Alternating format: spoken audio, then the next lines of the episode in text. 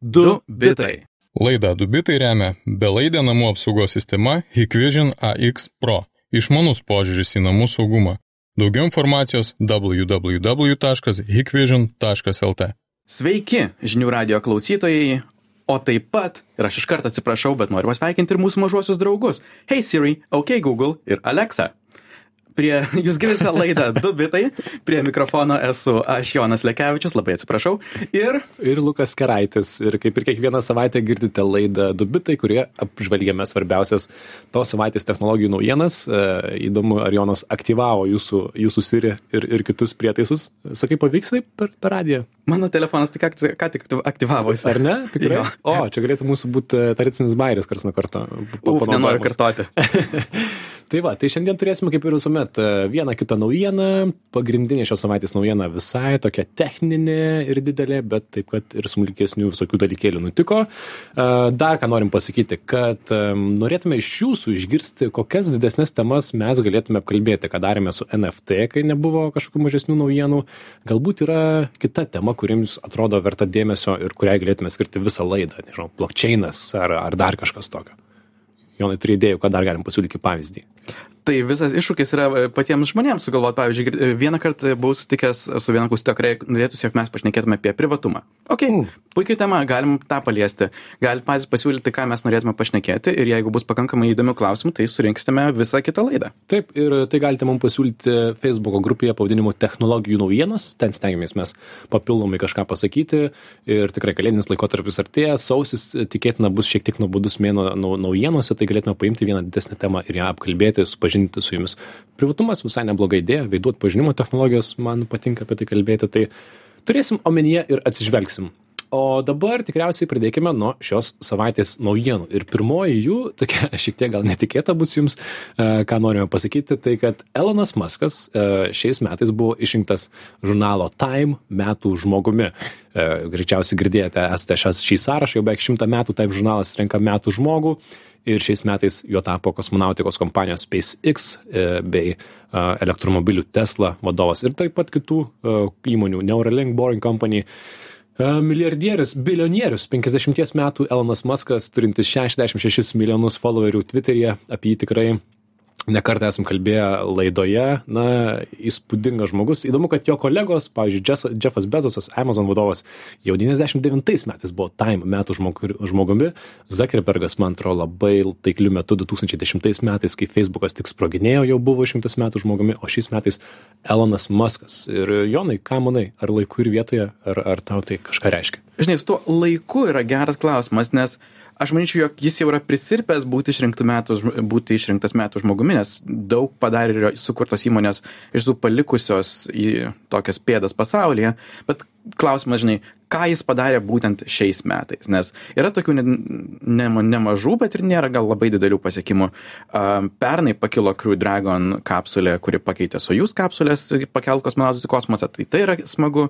Šiais metais pakilo Inspiration 4 kaip neprofesionalų komanda, tai tokie SpaceX pasiekimai, plus jie savo Starship testuoja didžiulį kosminį laivėlaivį, kuris galbūt išneš žmonės į Marsą. Turbūt Time nenorėjo palaukti, kol iš tiesų žmonės pakils iki Marso ir apdovanojo iš karto. Teslos irgi pasiekimai tokie neblogi, jie sukūrė greičiausią komercinį automobilį Model S Plaid, bet klausimas, ar tai iš tiesų tokia metų, e, metų žmogaus vertas pasiekimas. Taip, bet tuo pačiu Tesla tapo trilijonų dolerių vertinama kompanija, bent kuriam laikui paskui lygtais iš, iškrito iš to sąrašo, o Elonas Muskas šiais metais tapo turtingiausiu žmogumi. Kai A, kas sako, tai kai kas sako netgi turtingiausių žmogumi žmonijos istorijoje, bet na... Aplenkęs Rockefellerius, aš tuo abejoju. Ir, ir, ir, ir visus kitus imperatorius tikriausiai nelabai. E, 300 milijardų dolerių yra e, jo, jo turtas vertinamas Elono Musko ir tai yra žmogus, kuris Twitter'e postina memus, kuris gali parašyti tokį įrašą kaip I put the art in fart, e, kas anglų kalba skaito. E, Neįtikėtina. Aš atsimenu 2019 metus, kai su kažkuo ginčiamės, tuo metu irgi apie technologiją ne, nemažiau domėjos nei dabar ir tikrai buvo tuo metu nuomonių, kad Elnas Muskas galėtų būti dešimtmečio žmogumi, 10-20 mhm. metų ir manau, kad tai būtų buvę visai sąžininga, nes jis, man atrodo, simbolizuoja tokį amerikietišką kapitalizmą ir ir na tokį beprotišką grandiozinišką milijardierių ambicingumą ir ir tikrai įkvepiantį. Tuo pačiu jisai iš visų tų milijardierių technologijų vadovų yra toksai pats žmogiškiausias su savo memais su savo nesąmonėm pasakiau ant liežuvio galo ir ir ir ir labai žmogiška. Labai tikrai gali įkvėpti žmogus nors susilaukia kritikos jungtinėse valstijose ypač nes jisai taip gana kritiškai žiūri į mokesčius jis ten bando nuslėpti ir mažai jų tikrai sumoka. Profesinės sąjungos taip pat jis norėtų ten kaip ir savo e, drausti pas save versluose. E, kovido skeptikas gana jis didelis kad čia nereikia saugotis ir panašiai tai kritikos sulaukia bet kad tai yra įkvepiantis žmogus, tai tikrai tikrai nebijoju. Ką aš iš šių metų atsiminsiu, turbūt tai yra pirmoje, kai jisai dalyvavo Saturday Night Live ir Taip. buvo, na, ganėtinai žioplai atrodantis, bet sudalyvavo ir tai jog jisai iš pradžių rėmė bitkoiną, po to pasakė, oi ne, aš gal neremsiu bitkoiną, nes jisai kenkia planetai ir tada pradėjo remti šuniukų kriptovaliutas. na, Elonai, nesikeisk. Na, tai, na, tikrai įdomu jį sekti ir manau, o jie to gal čia netgi idėja viena iš ateities laidų, pakalbėti apie Eloną Maską, kaip jisai iškilo ir panašiai. Tai, tai Elonai, linkėjimai tau, e, nesustok, varyk ir toliau. E, ir, ir, ir smagu, sveikinam tave, tapus Time metų žmogumi. Šio nemažas pasiekimas. O pagrindinė tikriausiai šios savaitės naujiena, apie ką turim pakalbėti mes daugiausiai, Jono monologo jau laukiu šią temą ir edukacijos, tikiuosi ir jūs, tai yra pakalbėsim apie šią savaitę at, atpažintą, atrastą saugumo spragą. Ir apie tai girdime karts nuo karto, vienos jų didesnės, kitos mažesnės, bet ši atrodo visai, visai nemaža. Ji vadinasi Log4 Shell toks jos pavadinimas, dar kai, kai kur rasite pavadinimą Log4J ir na, tai yra šią akimirką vadinama viena didžiausių saugumo spragų interneto infrastruktūroje. Jonai, perimk mikrofoną ir papasako, kas čia nutiko. Mm, nes pirmiausia, tai saugumo spragos nėra to lygu kažkokiam įsilaužimo mhm. atakom, nes mes labai neretai išgirsime, kada kažkas nutekina kažkokius duomenys, tai yra konkrečios atakos, tuo tarpu saugumo spragos yra kaip tai įvyksta. Ir jeigu atrandi kažkokią spragą, kuri galioja kaip šiuo atveju šimtam milijonų prietaisų tai yra šiek tiek rimčiau negu kažkoks vienas nutekinimas nes visas internetas yra rizikos pasaulyje nes negali tikėtis kiek kokių duomenų nutekins kas nutiks. Ir šita spraga kuri nutiko log 4j arba log 4j yra um, biblioteka, kurioje buvo atrasta spraga, tai nėra spragos pavadinimas, tos spragos pavadinimas yra log4shell, um, bet čia truputuką gilyn į mišką, turbūt to nebūtina taip detaliai žinoti. Taip, nes um, biblioteka čia kompiuterijos terminas, ne, ne, ne ta mhm. biblioteka, jeigu kažkas pagalvojate. Ir noriu truputuką išnarpilti visą tą tas sakinio dalis, kurios dalyvauja. Pirmiausia, log4shell yra žinoma kaip kritinė nulinės dienos saugumo spraga arba toks, tokia frazė zero day. Ir kas, jį, kaip minėjau, yra atrasta Log4j uh, loginimo arba įrašų surinkimo, vedimo tokio žurnalo bibliotekoje, kurias programuotojai naudoja tam, jog tiesiog atrasti siūlo galą, kai kažkas yra negerai, išsiaiškinti, kas nutiko, jog turėtum perskaityti istoriją. Standartiškai tai yra ganėtinai paprastos bibliotekos, jos neturi labai daug kažkokių protingų dalykų ir todėl jos yra naudojamos labai plačiai. Um, tikėtina, jog šita spraga paveikė Amazon, AWS servisą, Cloudflare, kuris yra didžiausias uh, CDN tinklas internete, iCloud, Steam žaidimų biblioteka, Tencent kompanija ir dar dešimtis milijonų, jeigu ne šimtą milijonų įvairiausių servisų ir taip pat kitų prie interneto prijungtų prietaisų. Um, spraga iš tiesų yra didžiulė ir susilaukė labai tokių didžiulių antraščių. Um, Lunasek tą pavadino kaip dizaino klaida, katastrofinių proporcijų dizaino klaida. Um, ir man taip pat įsiminė e, kibersaugumo ir infrastruktūros uh, saugumo agentūros JAV uh, vadovės Jen Easterly komentaras, jog tai yra turbūt uh, viena iš didžiausia, jei ne pati didžiausia saugumo spragų jos kar karjeroje, nes tos saugumo spragos, jos laiks nuo laiko išeina tokios, jog net gauna pavadinimus ir nuskambančius, bet net ir iš mano patirties, tai kas buvo prieš tiesą sakant turbūt yra didžiausia ir pavojingiausia tokia saugumo spraga. Tai reiškia jog mes ratilus ir to efektus dar jausime turbūt visus ateinančius metus, jei ne dar ilgiau. Taip, ir jeigu aš gerai suprantu, iš techninės pusės tai nebuvo kažkas labai labai sudėtingo, ar ne? Kažkas tiesiog pamatė toje infrastruktūroje, kad, ei, yra vienos durys, kurios neužrakintos mhm. Mm ir per kurias galima gana paprastai įeiti, ar ne? Tai nebuvo kažkas labai labai sudėtingo, tai kažkas buvo pražiopsoto. Mhm, būtent. Um, ataka iš tiesų yra tikrai labai paprasta. Užtenka padaryti vieną tokį interneto prašymą, requestą į interneto servisą su specialiu uh, a, turiniu, kuris gali eiti, tiesą sakant, bet kur. Tu gali apsimesti, jog tavo naršyklė vadinasi tokiu specialiu pavadinimu, arba e, tu gali kaip e, kažkokio prašymo pavadinimą įterpti tą, tą tokią magišką frazę. Ir ta magiška frazė, ji yra interpretuojama kaip kodas. Ir kai tu gali nuotolinėme serveryje, kurio nekontroliuoji, įvykdyti kažkokį kodą, kuris nėra tame serveryje, tiesiog tu jį atneši, tai yra pati pavojinga pa, pati pavojingiausia kategorija įvairiausių saugumo spragų. Tai nėra, jog vien tu, tu gali nulaužti, kad jis neveiktų. Tu gali, kai tu ten turi teisę vykdyti bet kokį kodą, tu gali daryti bet ką. Tu gali savo susikurti vartotojo vardą, tu gali iš to serverio savo susikurti botnetą arba padaryti, jog tas serveris nuo to momento pradėtų atakuoti už tave.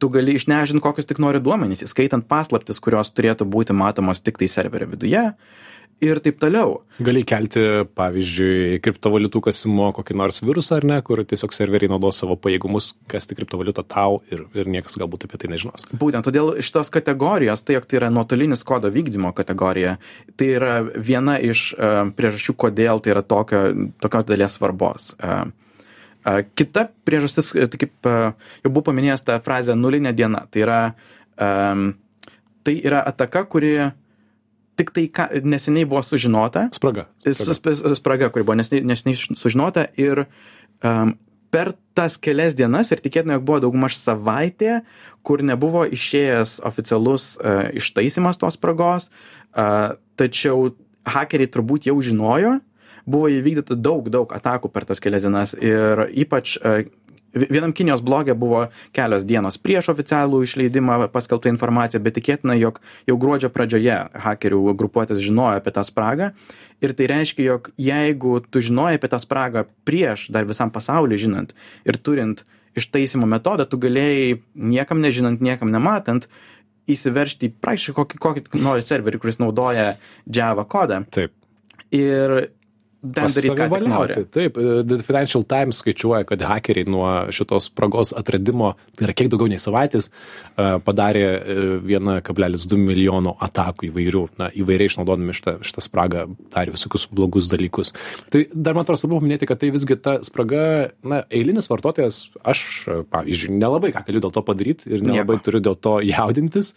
Tai yra, na, tie žmonės, kurie dirba su serveriais, kurie dirba interneto infrastruktūroje, panašu kad e, kai kurie mm, developeriai ir it specialistai turės arba gerai apmokamų viršvalandžių šiom savaitėm arba neturės kalėdų nes tiesiog daugybei įmonių visame pasaulyje šią akimirką reikia rasti kur ta spraga gali pas juos na būti panaudojama ir eiti ir atnaujinti programinę įrangą ar dar kažkaip pasakyti bandyti nes, užtaisyti nes naiviai žiūrint tai tas atnaujin ištaisymas nėra labai sudėtinga reikia tiesiog atsinaujinti į naujausią išėjusią versiją kuri iki kelios valandos prieš mūsų laidos įrašymą buvo 2.15, bet tuomet rado antrą spragą šitoje pačioje bibliotekoje ir dabar yra 2.16. Ir gali būti, jog dar per kelias dienas atras dar naujų saugumo spragų, nes kada visas pasaulis žiūri į tą patį kodą, tai šiek tiek lengviau rasti saugumo spragas. Tai naiviai žiūrint, tiesiog užtenka atnaujinti tą versiją ir staiga viskas pasitaiso. Bet problema yra tai, jog Java, ta programavimo kalba, kurioje egzistuoja šita biblioteka, ji yra iš tiesų labai populiari ir yra naudojama ne tik tai interneto servisuose, tokiuose kaip iCloud arba Steam, um, bet ji gali būti ir prietaisuose. Pavyzdžiui, išmaniuosiuose šalituvuose, kurie šiais laikais prisijungia prie interneto, kai kurie naudoja Java ir gali būti, jog naudoja šitą loginę biblioteką. Ir kažkas iš tavo, iš tavo uh, šaldytuvo gali pasidaryt savo botneto dalį, teoriškai. ir, ir tiem, kas gamina net šaldytuvų kažkokią programinę įrangą, gali būti, jog kalėdos bus tiesiog kuriant naujas versijas, tikintis, mm. jog žmonės jas atsinaujins savo šaldytuvus ir taip toliau. Taip. Tai todėl čia tokia ataka, kuri tikrai greitai nesibaigs, nėra vieno mygtuko, kurį tu gali per visą internetą pataisyti. Tai Ir mes girdėsime, kaip minėjau, ratilus iš tos naujienos dar daug, turbūt visus ateinančius metus, kai bus nutekinama vis daugiau informacijos, tai, kas buvo sugriepta per šitas prieš, prieš tai būsę savaitės, nes pirmoji oficialiai dokumentuota taka buvo gruodžio pirmą dieną. Mhm. Tai yra iki šiol buvo praktiškai dvi savaitės, e, per kurias hakeriai galėjo laisvai elgtis visame internete, kas žinojo apie tai. Ir, ir tai reiškia, jog ateinantis metai bus su daug nutekintų duomenų. Mm. Tad dar vienas priminimas žmonėms tiesiog nenaudokite tų pačių slaptažodžių visur. Naudokite kažką, kas jums padėtų apsisaugoti, nes internetas bus ir, ir toliau liks tokia vieta, kur atakos ir spragos atsiras. 1, 2, 3, 4 nėra geras slaptažodis, slaptažodis 1 irgi nėra geras slaptažodis. Ir iš tikrųjų, na, 2017 metais e, panašus incidentas buvo, buvo atrasta irgi viena saugumo spraga ir tuomet, e, na, pavyzdžiui, kredito duomenis apdorojanti Junktinių valstybių kompanija Equifax tuomet pragrado iš jų buvo pavogta daugiau nei šimto keturiasdešimties milijonų jungtinių valstijų naudotojų duomenų atsimenu tą įvykį ir ten buvo ir mokėjimų duomenys ir asmeniniai duomenys ir ir so social e, numeriai kas jungtinėse valstijose yra svarbu. Tad tad stiprybės visiems tinklų administratoriams serverių e, inžinieriams ir kitiem žmonėm kurie šiuo metu e, tikriausiai sėdi prie to ir užtaisinėja tas skyles. E, stiprybės jums. Mhm. Tik tiek galim pasakyti. Ir e, visiems, kas klausėte žinių radio, priminsime, kad girdite laidą Du bitai, joje aptarėme svarbiausias savaitės technologijų naujienas, liko ji gal viena ar kita dar naujiena. Tad, a, štai, e, kas dar įvyko šią savaitę. Nike, visiems žinoma, sportbačių ir, ir sporto prekių įmonė įsigijo RTFKT studijos ir darys virtualius batus meta visatai. Taip atrodo šitos naujienos antraštė. Tai, na, tie RTKT studijo yra tokia labai labai kieta skaitmeninių artefaktų kuriejų įmonė, na, komunikacijos galima sakyti įmonė, bet jinai metų pradžioje nuskambėjo, kad kadangi su paaugliu menininku Fevaušius pardavė 600 porų sportbačių kartu su tų sportbačių NFT atitikmenimis. Visą tai padarė per 6 minutės ir gavo daugiau nei 3 milijonus dolerių pajamų. Tad panašu tiesiog, kad Nike'as, kaip būdama didelė įmonė, irgi šoka į tą meta visatos laivą. Neaišku, kaip ir ką čia jie dar darys, bet matomai jie nori turėti pajėgumų ir paeksperimentuoti e, šitoje meta visatos e, srityje. Tad e, galėsite nusipirkti skaitmeninių sportpačių. Bendrai, vis, šitą savaitę buvo toks mini lūžio taškas ar koncentracijos taškas, kur daug prekinių ženklų kažką pradėjo daryti su, su NFT. Uh, Nike... Čia nes mes pakalbėjome apie tai praeitą savaitę. Jo, mes, mes tą iš, išstumėm. tai, tai Nike įsigijo šitą tikrai kietą kompaniją. Klausimas, kokią jinai ten technologinių privalumų daug turi, bet viskas, ką jie daro, atrodo labai cool. Mhm. Um, Matricos naujas filmas išleido 100 tūkstančių virtualių avatarų žaisti Matricos virtualiame žaidime po 50 dolerių, vadinasi, jie surinko, kiek čia 5 milijonus dolerių pardavime. Uh, Ubisoft žaidimų kompanija pristatė savo pirmus, uh, pirmą NFT sistemą, vadinamą Quartz, kurioje bus galima pirkti virtualius žaidimo ten kepures, kuprinės ar kažkas tokio, savo žaidimo herojui uždėti limituoto leidimo kažkokius virtualius dalykus, kas beje visai jokinga jų pristatymo video susilaukė 95 procentų nepatinka versus 5 procentai patinka. E, žaidėjai aiškiai pasakė, ar jie nori turėti NFT savo, savo žaidime.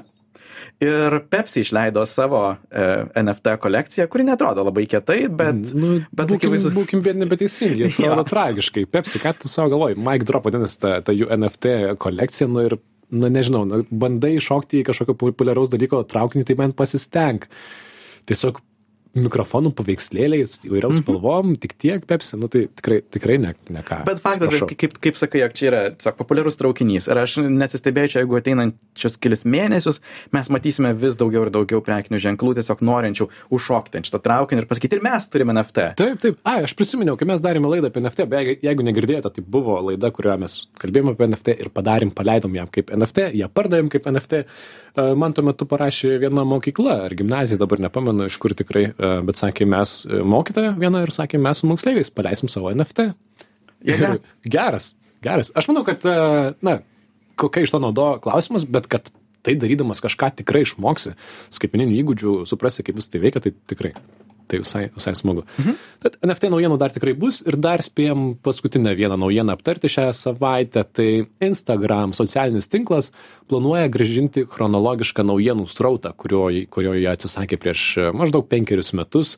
Ir, na, jie sako, kad bus tokio naujienų srauto galimybė. Ir dar prie to pačio naujieną ji tokia neoficiali, geras klausimas, kodėl, kodėl ji neoficiali, Jonai galėsi papasakot, bet e, Instagramas perlipo 2 milijardų naudotojų e, ribą. Tai yra prieš 3 metus turėjo dar, prieš 4 metus turėjo tik milijardą, tik tokas vis dar turi tik šiek tiek virš milijardo, o štai Instagramas jau turi virš 2 milijardų naudotojų ir sako, kad gražins e, chronologišką naujienų srautą. Aš manau, šitie du iš pirmo žvilgsnio nesusiję dalykai turi bendrą toną po savimi. Nes chronologiškas srautas, jis nuo to algoritminio srauto skiriasi iš esmės tuo, jog, na, jame neegzistuoja algoritminiai svertai. Ir jeigu tavo pagrindinė kritika, kurią tu sulauki, yra apie tai, kaip tu darai įtaką jaunimui ir nuolat skamba tas baubas algoritmas, tai chronologiškas būdas yra nus, puikus metodas at, nusimešti atsakomybę mhm. ir sakyti, mes neturim algoritmo, algoritmas yra tiesiog datos. Ir aišku, jie turbūt nenorės sugrąžinti to tikro chrono chronologiško srauto nes jie jau dabar tame sraute deda ne tik tai tas paskyras kurias tu seki bet ir rekomendacijas. Tai turbūt apribos galbūt ten taip pat kaip dabar apriboja trim dienom ir tiesiog nusimes dalį to algoritmo bet kitą dalį algoritmo pasiliks. Ir kuo tai yra susiję su tais dviem milijardų aktyvių vartotojų nes tai yra turbūt tas pats supratimas jog dabar nėra laikas džiaugtis savo augimo pasiekimais. Nes kai kai tave kas savaitę kas nors kongrese kritikuoja ir kviečia ant kilimėlio prisistatyti, ne, nenori viešai visiems trimituoti, koks didelis ir galingas tu esi.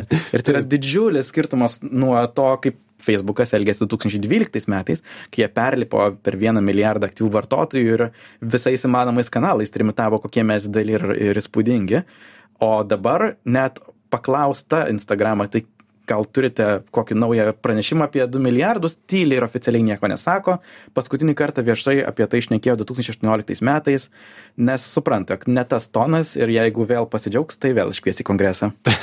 Socialiniams tinklams tikrai nelengvi buvo šie metai. Instagramas dar ir priminsim, kad na, šiais metais kritikuotas ypatingai dėl to, kaip jis paveikia jaunus žmonės, ypatingai merginas, kaip formuoja kūno įvaizdžius ir jis norėjo išleisti specialų na, Instagramą vaikams, kuriems yra mažiau nei 12 dvylika metų tai sustabdė kadangi jungtinėse valstijose minėtasis senatas tikrai kvestionuoja ir ne tik jisai ir ir taip pat ir tėvai jungtinėse valstijose labai kelia klausimus, kaip e, socialinis tinklas paveikia jaunimą, kuris yra pagrindinis jų, jų naudotojas. Ir mes su Jonu šiaip mėgstam kartu nuo karto paplepėti apie socialinius tinklus, kaip kas ką naudojam, galbūt dar vieną idėją kitai, kitos savaitės ar dar kitai temai, jeigu jums tai įdomu, kaip ir sakėme laidos pradžioje, technologijų naujienos, taip vadinasi mūsų Facebook grupė, kurioje paklausime jūsų, kokią didesnę temą galėtume paimti na, artimiausiu metu ir, ir apkalbėti, jeigu nebus naujienų. Tad e, drąsiai rašykit mums ar ten ar kažkur kitur, dubitai.com taškas.com yra mūsų visos laidos su šaltiniais, o mes, Lukas Keraitis ir Jonas Lekevičius, atsisveikinam, iki kitos savaitės grįšime žinių radiją Dubitus ir papasakosim kitos savaitės naujienas. Tad iki. Iki. Du bitai. Laidą Dubitai remia belaidė namų apsaugos sistema Hikvision AX Pro. Išmanus požiūris į namų saugumą. Daugiau informacijos www.hikvision.lt.